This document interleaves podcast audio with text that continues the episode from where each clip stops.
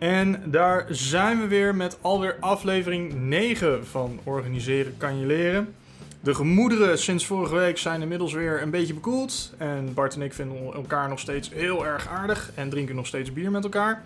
Ehm, ik ben natuurlijk de ene host van deze podcast, Wilbert, die recentelijk toch wel weer het vuur in zich gevonden heeft van vrijheid en rechtvaardigheid en alles dat goed is in de wereld. En met mij is eh, de kwade dictator die jullie graag wil onderdrukken en al het geluk uit het leven wil zuigen. No hard feelings. Bart, socialist. Hoi Bart. Ik wacht altijd tot je me ook gewoon aankondigt. Hè. Ik ga dat gewoon niet zelf doen. Ik vind dat te verwarrend. Hè, als, als ik moet wachten op die, die, die cues van jou, ik, ik vind het wel prima. Um, in het verlengde van die, uh, van die hele dictator uh, rol ik gelijk even door naar mijn biertje. Mm -hmm. Want Is het een despo? Nee. Despoot. Ja. Nee, ik, ik, ik heb mijn koelkast echt vol staan met, met heerlijke stuitjes. En uh, uh, ik wist dat dit moment ging komen. Ik, bedoel, ik heb de, de twee blondjes en wat was het, de Weizen opgedronken. Uh, het is bij ons nog, nog steeds 19 juni, namelijk. Mm.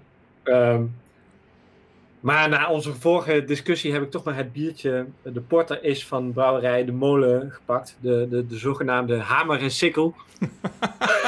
ik kon het niet laten. dus, uh, dus daar gaan we mooi aan beginnen. Zo. Wat kan je ons vertellen over dat biertje, Bart? Um, het is dus een uh, porter-ish. Het hele porter en, uh, en, en een stout onderscheid is meestal gewoon een, een kwestie van de, de, de, de alcoholhoeveelheid. Um, en verder, ja, het, is, het ziet er donker uit. Maar we gaan het. Uh, wat staat er nou? Top. Uh, nou ja, goed. Ik zie nu pas dat het. Uh, dat het maar 5,2 nou, procent is. Dus dat, dat is zeer goed te doen. Doe lekker rustig aan. Ja, dat, dat blijkt vandaag. Maar ja, dat moet ook wel met al die heftige, heftige discussies die we voeren over de, de grenzen van, van het privébezit. Ja. Bart, ik heb, uh, ik heb zoals aangekondigd in vorige aflevering uh, een tweede biertje van de Bird Brewery. Hey. Um, ook wel een World Beer Awards winner. En dit mm -hmm. biertje is een Saison. Ha. Dat is Sandere Koekoek. hey, die heb ik ook wel eens gedronken. Goed man. En nou ja, goed, de verwachtingen zijn hoog gespannen hier, want de vorige Bird Brewery, de Zwaanzinnige Zwaanzinnig, uh, was bijzonder lekker. Uh, ja.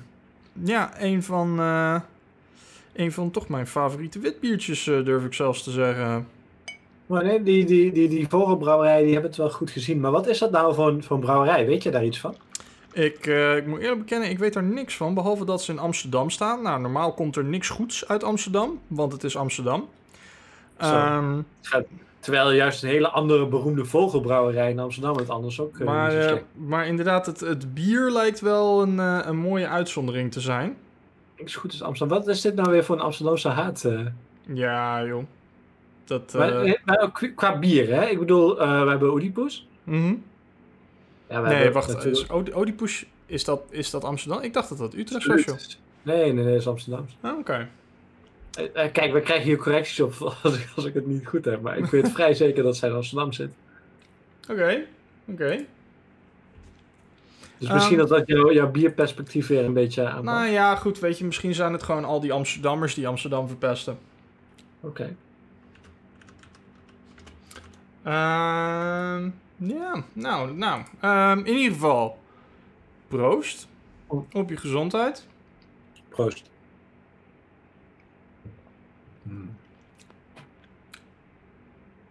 Ah. Ah, is wel lekker.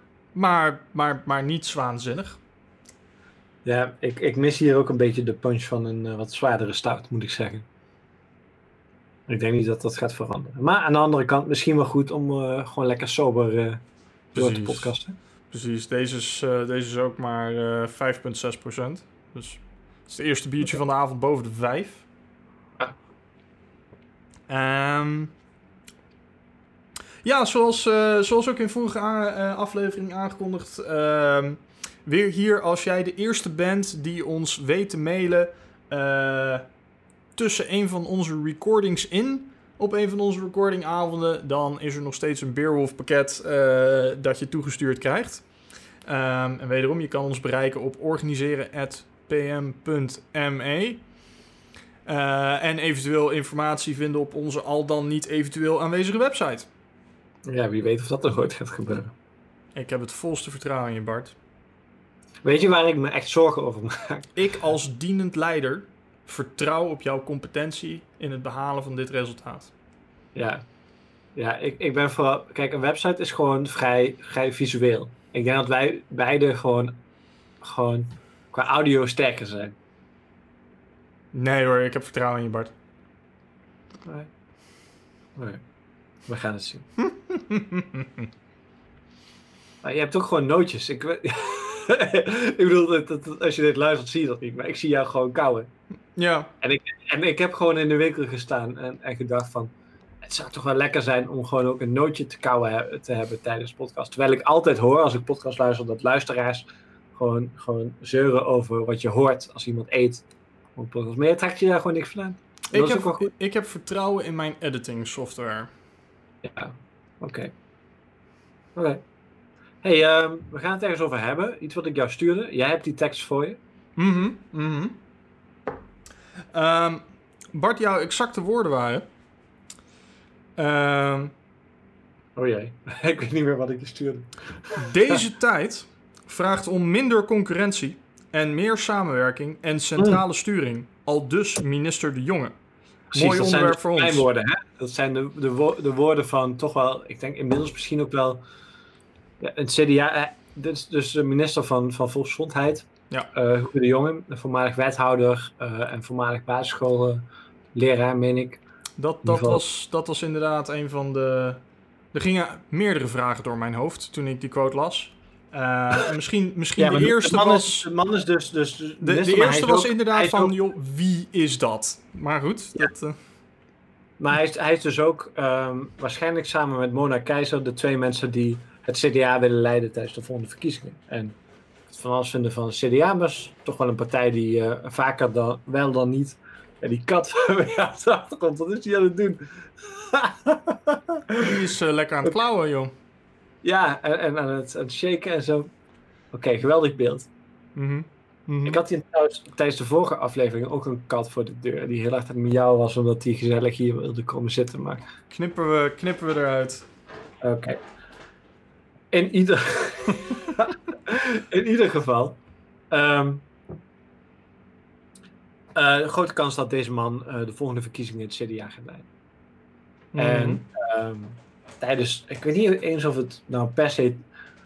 Ik, het eerste moment dat ik eigenlijk over hem las, is ik was een, wat groter, uiteindelijk toch wel wat gefaald onderzoek aan het doen naar, eh, naar de kosten van, eh, van de markt als het gaat over de ehm, thuiszorg. Hè? Dus je hebt mensen die, die eh, met name bij ouderen, maar ook bij, bij mensen die andere, die, die een beperking hebben, komen helpen met het huishouden en vaak ook wel wat meer doen. Eh, bijvoorbeeld om te kijken of alles daar wel goed gaat. Mhm. Uh, dat hebben we in Nederland op een gegeven moment uh, uh, eigenlijk vrij collectief aanbesteed. Met, collectief bedoel ik dat dat eigenlijk overal de norm werd in elke gemeente die dat moest regelen. En we hebben dat op een manier gedaan die, uh, uit wat ik er zo'n beetje uit heb kunnen halen, maar het onderzoek was veel te groot voor hoeveel tijd ik ervoor had. Maar uh, ongeveer neerkwam op uh, 20% overheid bij de gemeente, 20% overheid bij uh, zorgorganisaties en vervolgens ook nog uh, gigantische overheid. Als je het hebt over wat er allemaal moest worden geregistreerd en uiteindelijk ben je gewoon de helft van je geld kwijt voordat iemand een uiteindelijk best wel simpele taak aan het uitvoeren is, namelijk, en simpel bedoel ik mee, organisatorisch zou dit veel simpeler kunnen. Mhm. Uh, bij mensen langs gaan, uh, zorgen dat het huis op orde is en uh, kijken of alles een beetje goed gaat.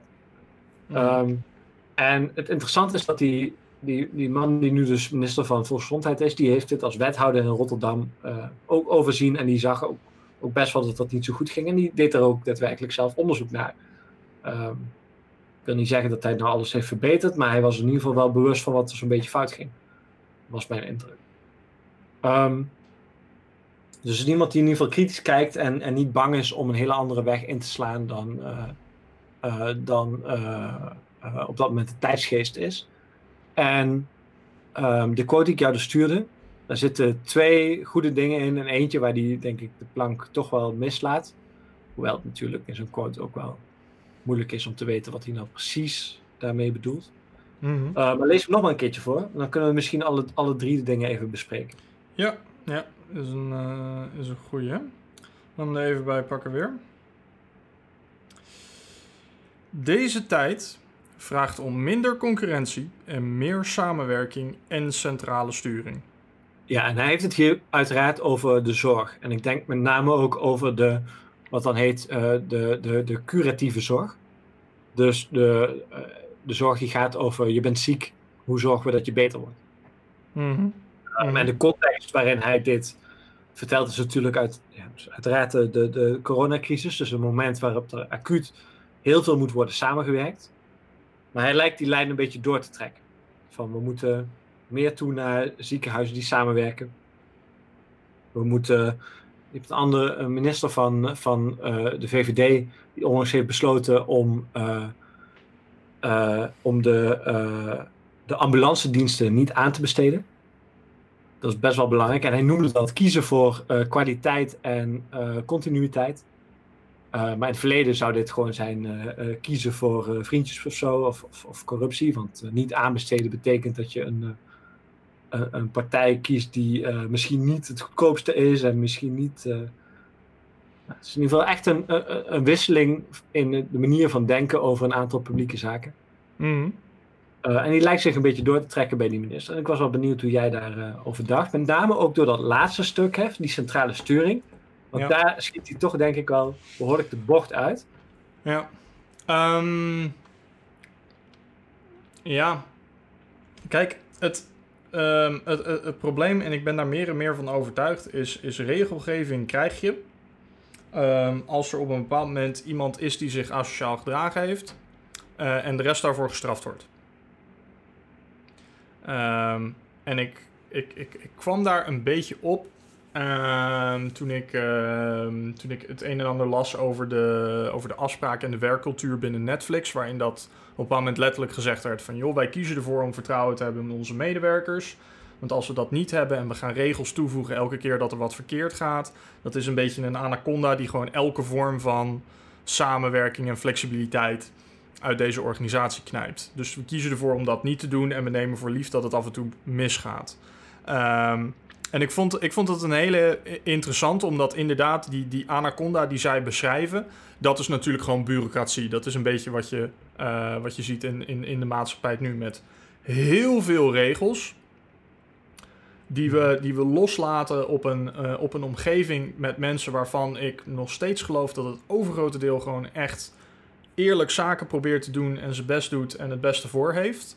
Uh, omdat er een, een paar partijen zijn die soms met een flinke impact, hè, daar niet, uh, dat, dat, dat niet ontkennende, um, toch wel de boel een beetje verpest uh, hebben. Dus, um, en, en, en, en ik word een beetje getriggerd door deze uitspraak, omdat um, ik, ik ben ZZP'er natuurlijk en ik werk samen met een hele hoop andere ZZP'ers. En wij hebben allemaal onze, uh, onze talenten. En zeker wanneer je wat meer in die specialistische hoek komt te zitten, dan heb je steeds minder te maken met concurrenten en eigenlijk steeds meer te maken met mensen die elkaar weten te vinden als er een bepaalde expertise nodig is. Mhm. Um, het uh, probleem alleen is dat er vanuit de, de, de, de autoriteit consumentenmarkt en dergelijke uh, zijn er een hele hoop regels ja.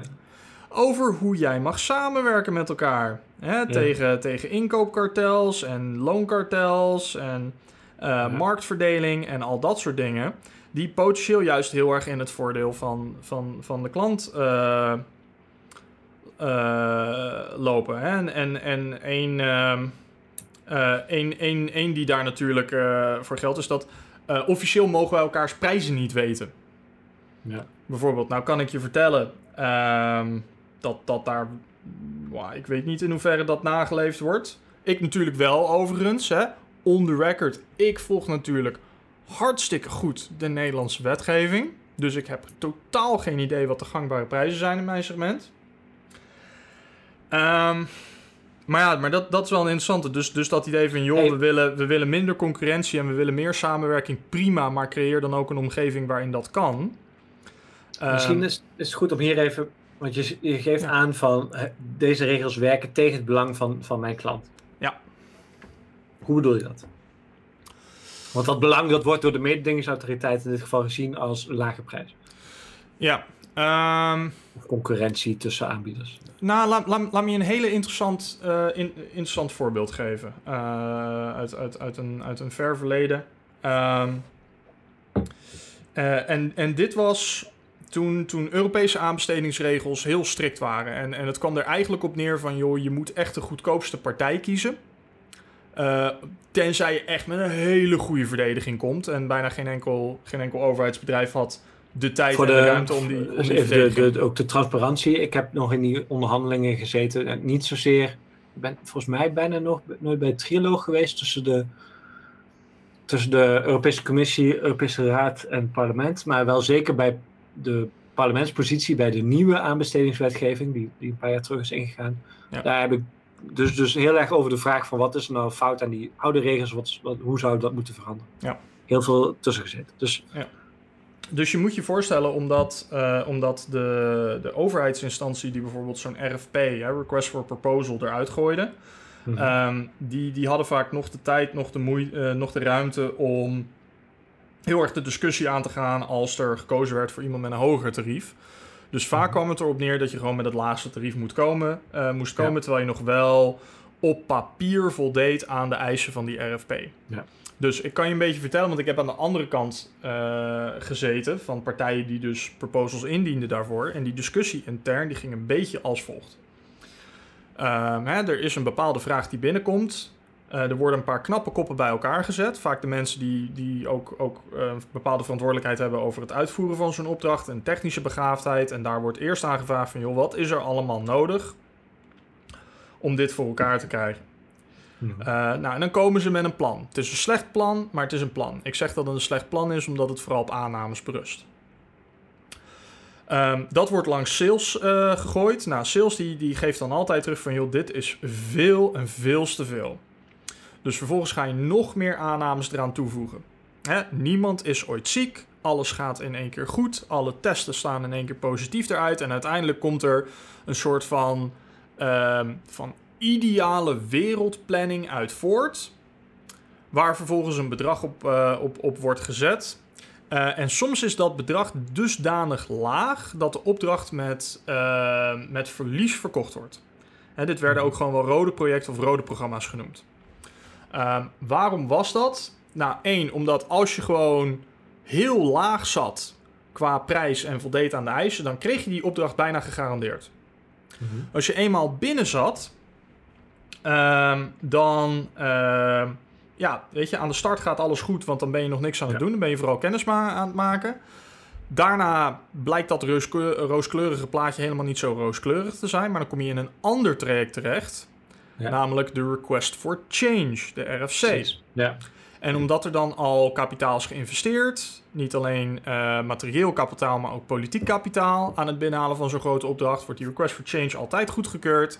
En Ja. wat initieel verkocht was voor zes maanden voor een half miljoen, blijkt uiteindelijk een programma te worden van drie jaar voor zes miljoen. Ja.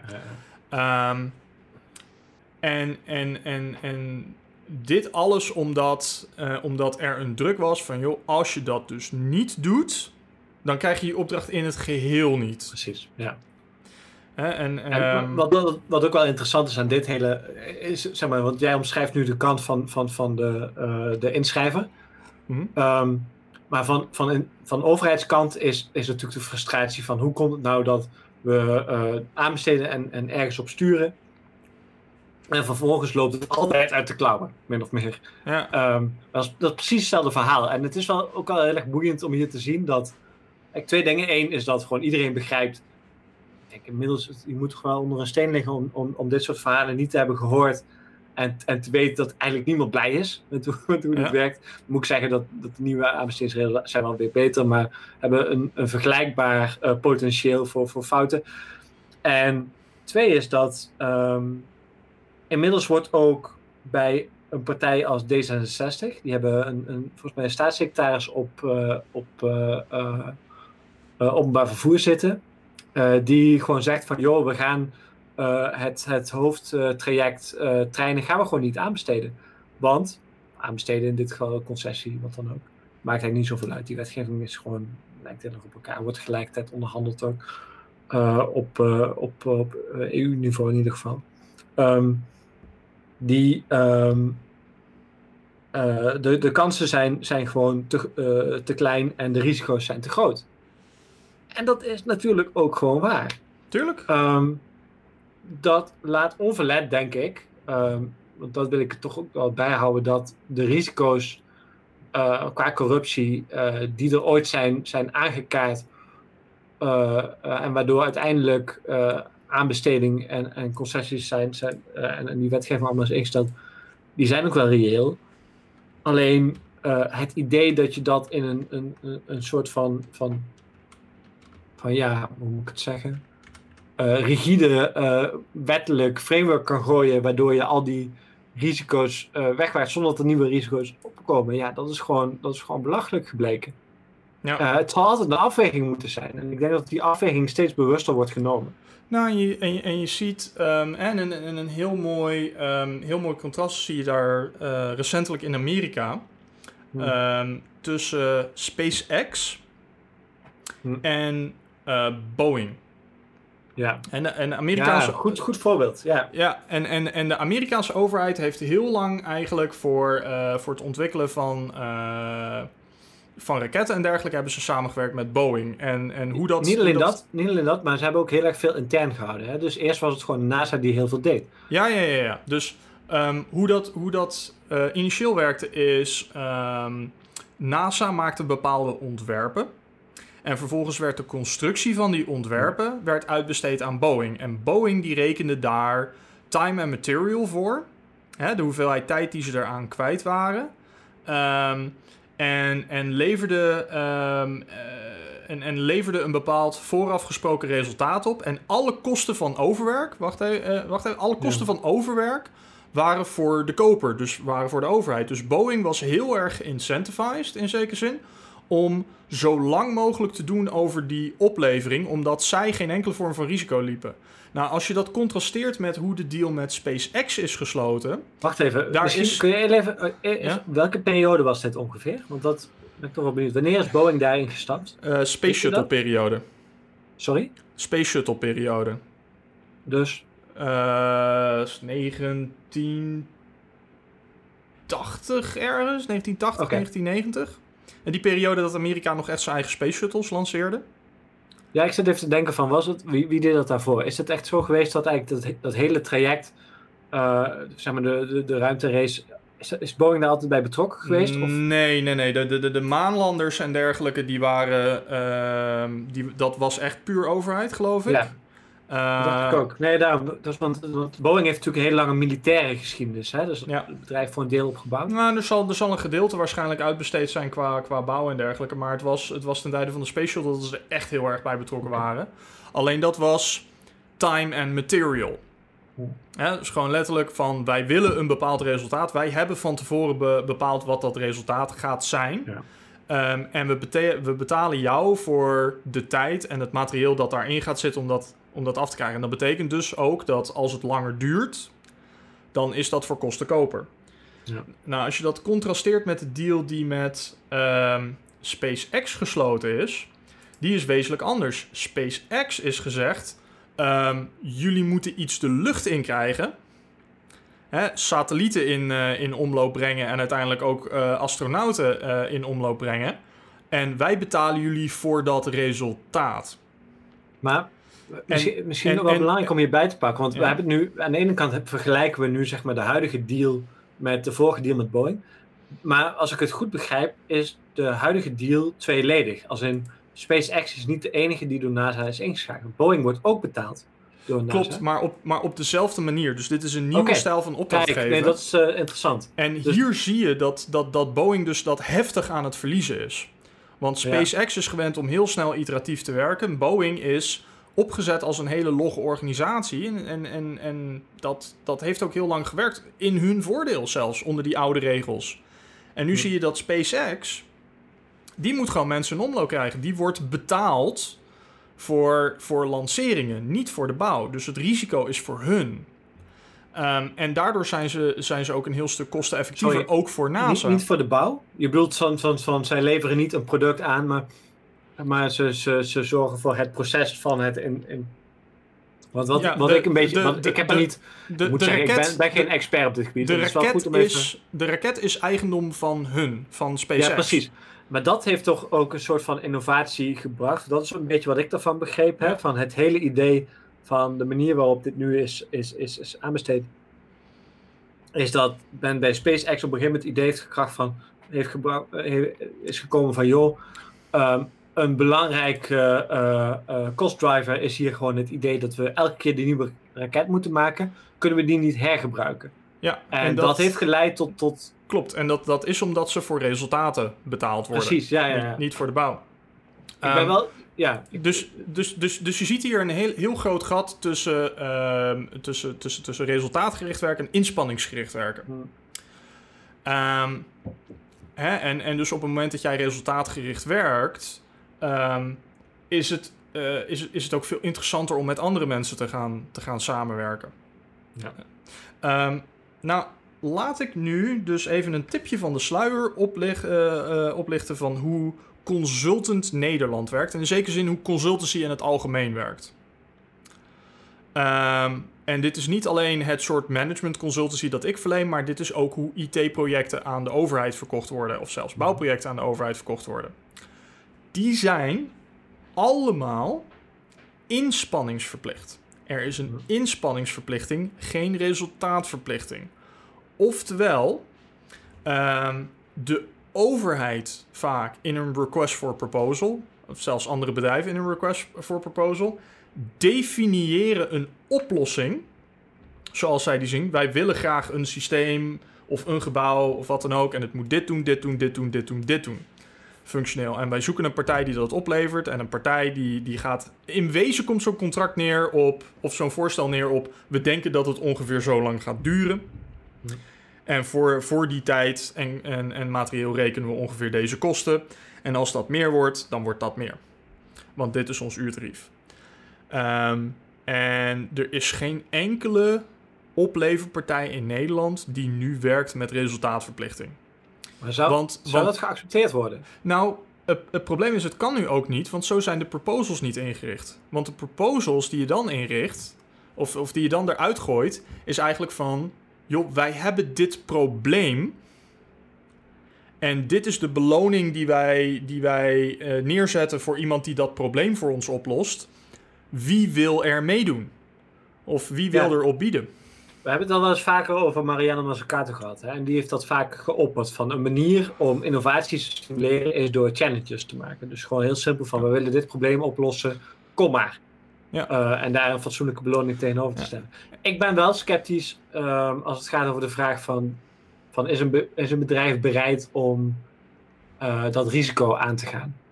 Nou, daar zie je dus, daar zie je dus een hele interessante, om, om weer terug te komen op het initiële voorbeeld van Boeing en SpaceX. Wat NASA eigenlijk deed, is zij schreven zo'n challenge uit. Van joh, Mhm. wij willen eh, satellieten eerst en daarna mensen in omloop gaan brengen. En wij zoeken een aantal partijen ehm, die. ehm, eh, en daar stellen wij onze expertise toe, to- ter beschikking. ehm, die, eh, die mee willen doen in dat proces. Om, om, om die resultaten te behalen. Hè? En dit, Ja. dit, is, dit is wat wij bieden voor dat resultaat. En wat zij vervolgens ook deden is van, nou ja, weet je, daar, daar zit een stuk risico in. En wij willen jullie ook tegemoetkomen in het risico dat daarin zit, hè, de onderzoekskosten.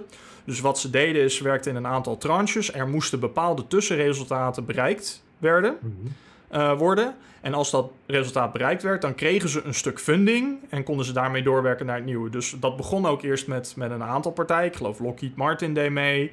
En eh, Blue Origin van Jeff Bezos deed mee. Mhm.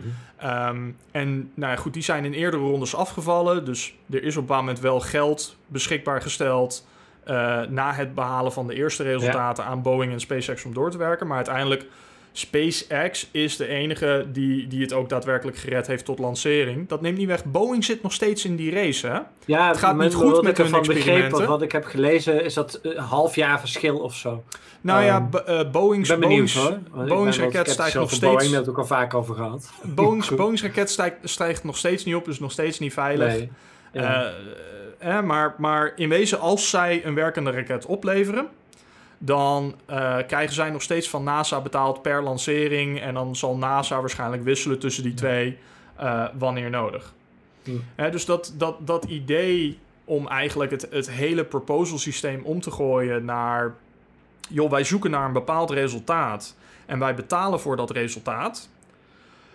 dan hoef je je ook niet zo super zorgen meer te maken over, over concurrentie. Want wat, wat gaat er gebeuren? Er gaan partijen die gaan kijken naar... nou oké, jij zoekt een bepaald resultaat... en dit is wat je bereid bent om neer te leggen daarvoor.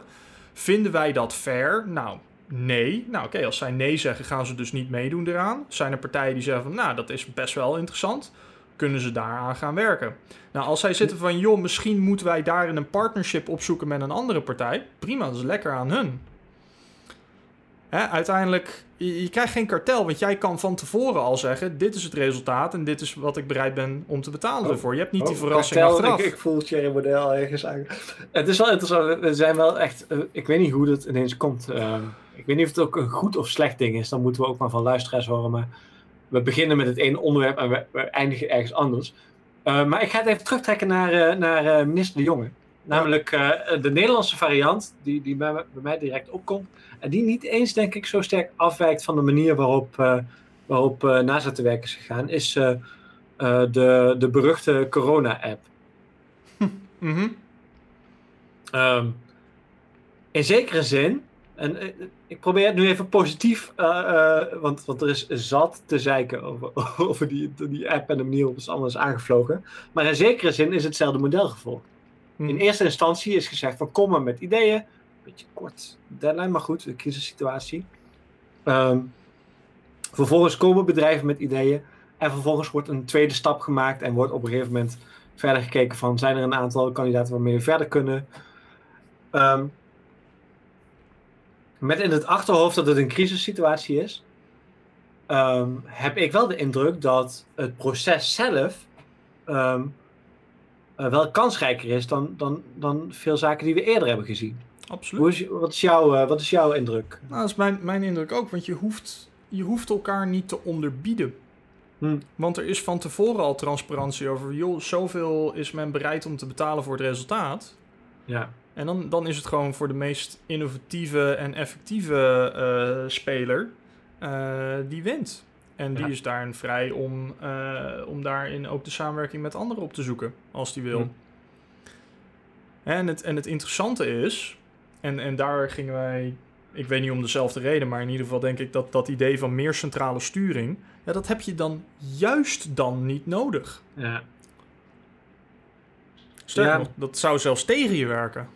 Ik denk dat er is, er is er, misschien dat centrale sturing in deze context, hè, want het is natuurlijk heel specifiek waarin hij het noemt. Ehm, ik, ik denk dat het voor dat het heel vaak een soort van ehm, moment is dat het, dat het heel belangrijk is om te weten wat dan nou precies wordt bedoeld. Want centrale sturing is aan de ene kant ehm, onmisbaar. En dan bedoel ik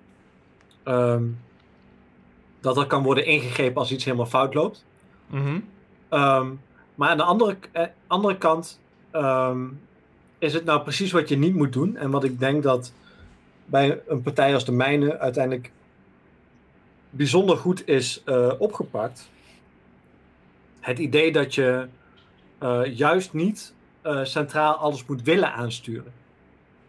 Maar dat je moet gaan kijken van wat is nou de beste manier, niet heel anders dan bijvoorbeeld dienend leiderschap. Wat is nou de beste manier waarop je bijvoorbeeld gemeentes in staat kunt stellen om wanneer ze dat willen samen te werken eh, en wanneer het nodig is samen te werken en voor de rest het vooral lekker eh, zelf eh, te kunnen bepalen Ja. met de professionaliteit die er is. En ik ben wel benieuwd hoe dat bij hem uitpakt. Is het nou zo dat hij denkt van, van het is heel belangrijk om de Nederlandse curatieve zorg zo in te richten dat we vanaf, vanaf het ministerie gaan bepalen wat er nou precies gebeurt? Of bedoelt hij op het moment dat er een crisis is, dan moeten we eh, in kunnen grijpen. En dan is het handig als we, als, we, als we weten dat er capabele mensen zitten die heel snel kunnen inspelen op de mensen die wij vanuit nationale politiek hebben. En dat zijn wel echt verschillen. Ik hoop het laatste. Ja, nee, ik ook. ik, um, Right.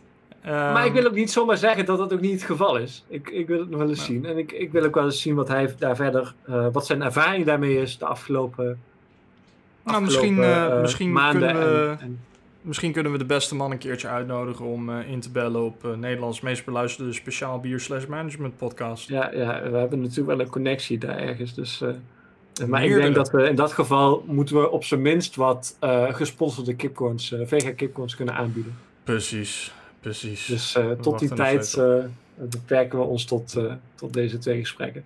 En ik moet ook zeggen, onze ervaring is ook wel dat ehm, ik ben best wel geïnteresseerd in het uitnodigen van gasten. En daar moeten we ook denk ik wel eens even van na gaan denken hoe we dat op een manier kunnen doen die een beetje werkt. Ehm, maar het werkt, wel, het werkt wel het beste als we een gesprek voeren met z'n tweeën. En met z'n met z'n drieën, en ik, ik weet niet of je dat ook hebt als je podcast luistert. Het loopt al snel uit de hand als er niet iemand is die zorgt dat iedereen gewoon zijn, zijn punt kan maken. Precies, precies. Bart, hoe was je biertje? Ja, het heet dan wel hamer en sikkel, maar het is gewoon een beetje lafjes. Ja. niet ik, geheel, had iets anders, niet geheel ik had iets anders moeten kiezen. En ik denk dat dat ook gewoon, gewoon ook, ook wel een goede samenvatting is van onze discussie hier. De centrale sturing, dat lijkt leuk, maar dat moet je meestal toch maar niet doen. Nee, precies, precies. Ehm, En jouw biertje dan? Eh, hoe is deze de- vogel? de, dat Ik is... weet het al, ik heb wel eens gedronken, dus... Dat is andere koekoek. Eh, ja. Niet slecht. Ik had er geen hekel aan. Maar eh, ja, ik, ik ga stemmen met mijn portemonnee. Ik ga hier niet eh, nog een keer eh, geld aan uitgeven. Dan Oh. ga, ik, ga ik liever terug naar de Zwaanzinnig. Oké. Dus in ieder geval dezelfde brouwerij. Precies, precies. Oké. Nou, dat was hem weer, Bart. Nummer 9. Zo jongen. Gaat hard. Tot de volgende keer weer. Hey, we spreken elkaar. Dank jullie wel voor het luisteren van deze aflevering van Organiseren kan je leren. Mocht je vragen hebben over of commentaar hebben op hetgene wat we besproken hebben deze aflevering, of een suggestie hebben over wat we kunnen bespreken in een volgende aflevering, dan kan je ons bereiken op organiseren.pm.me. Dank jullie wel en tot de volgende.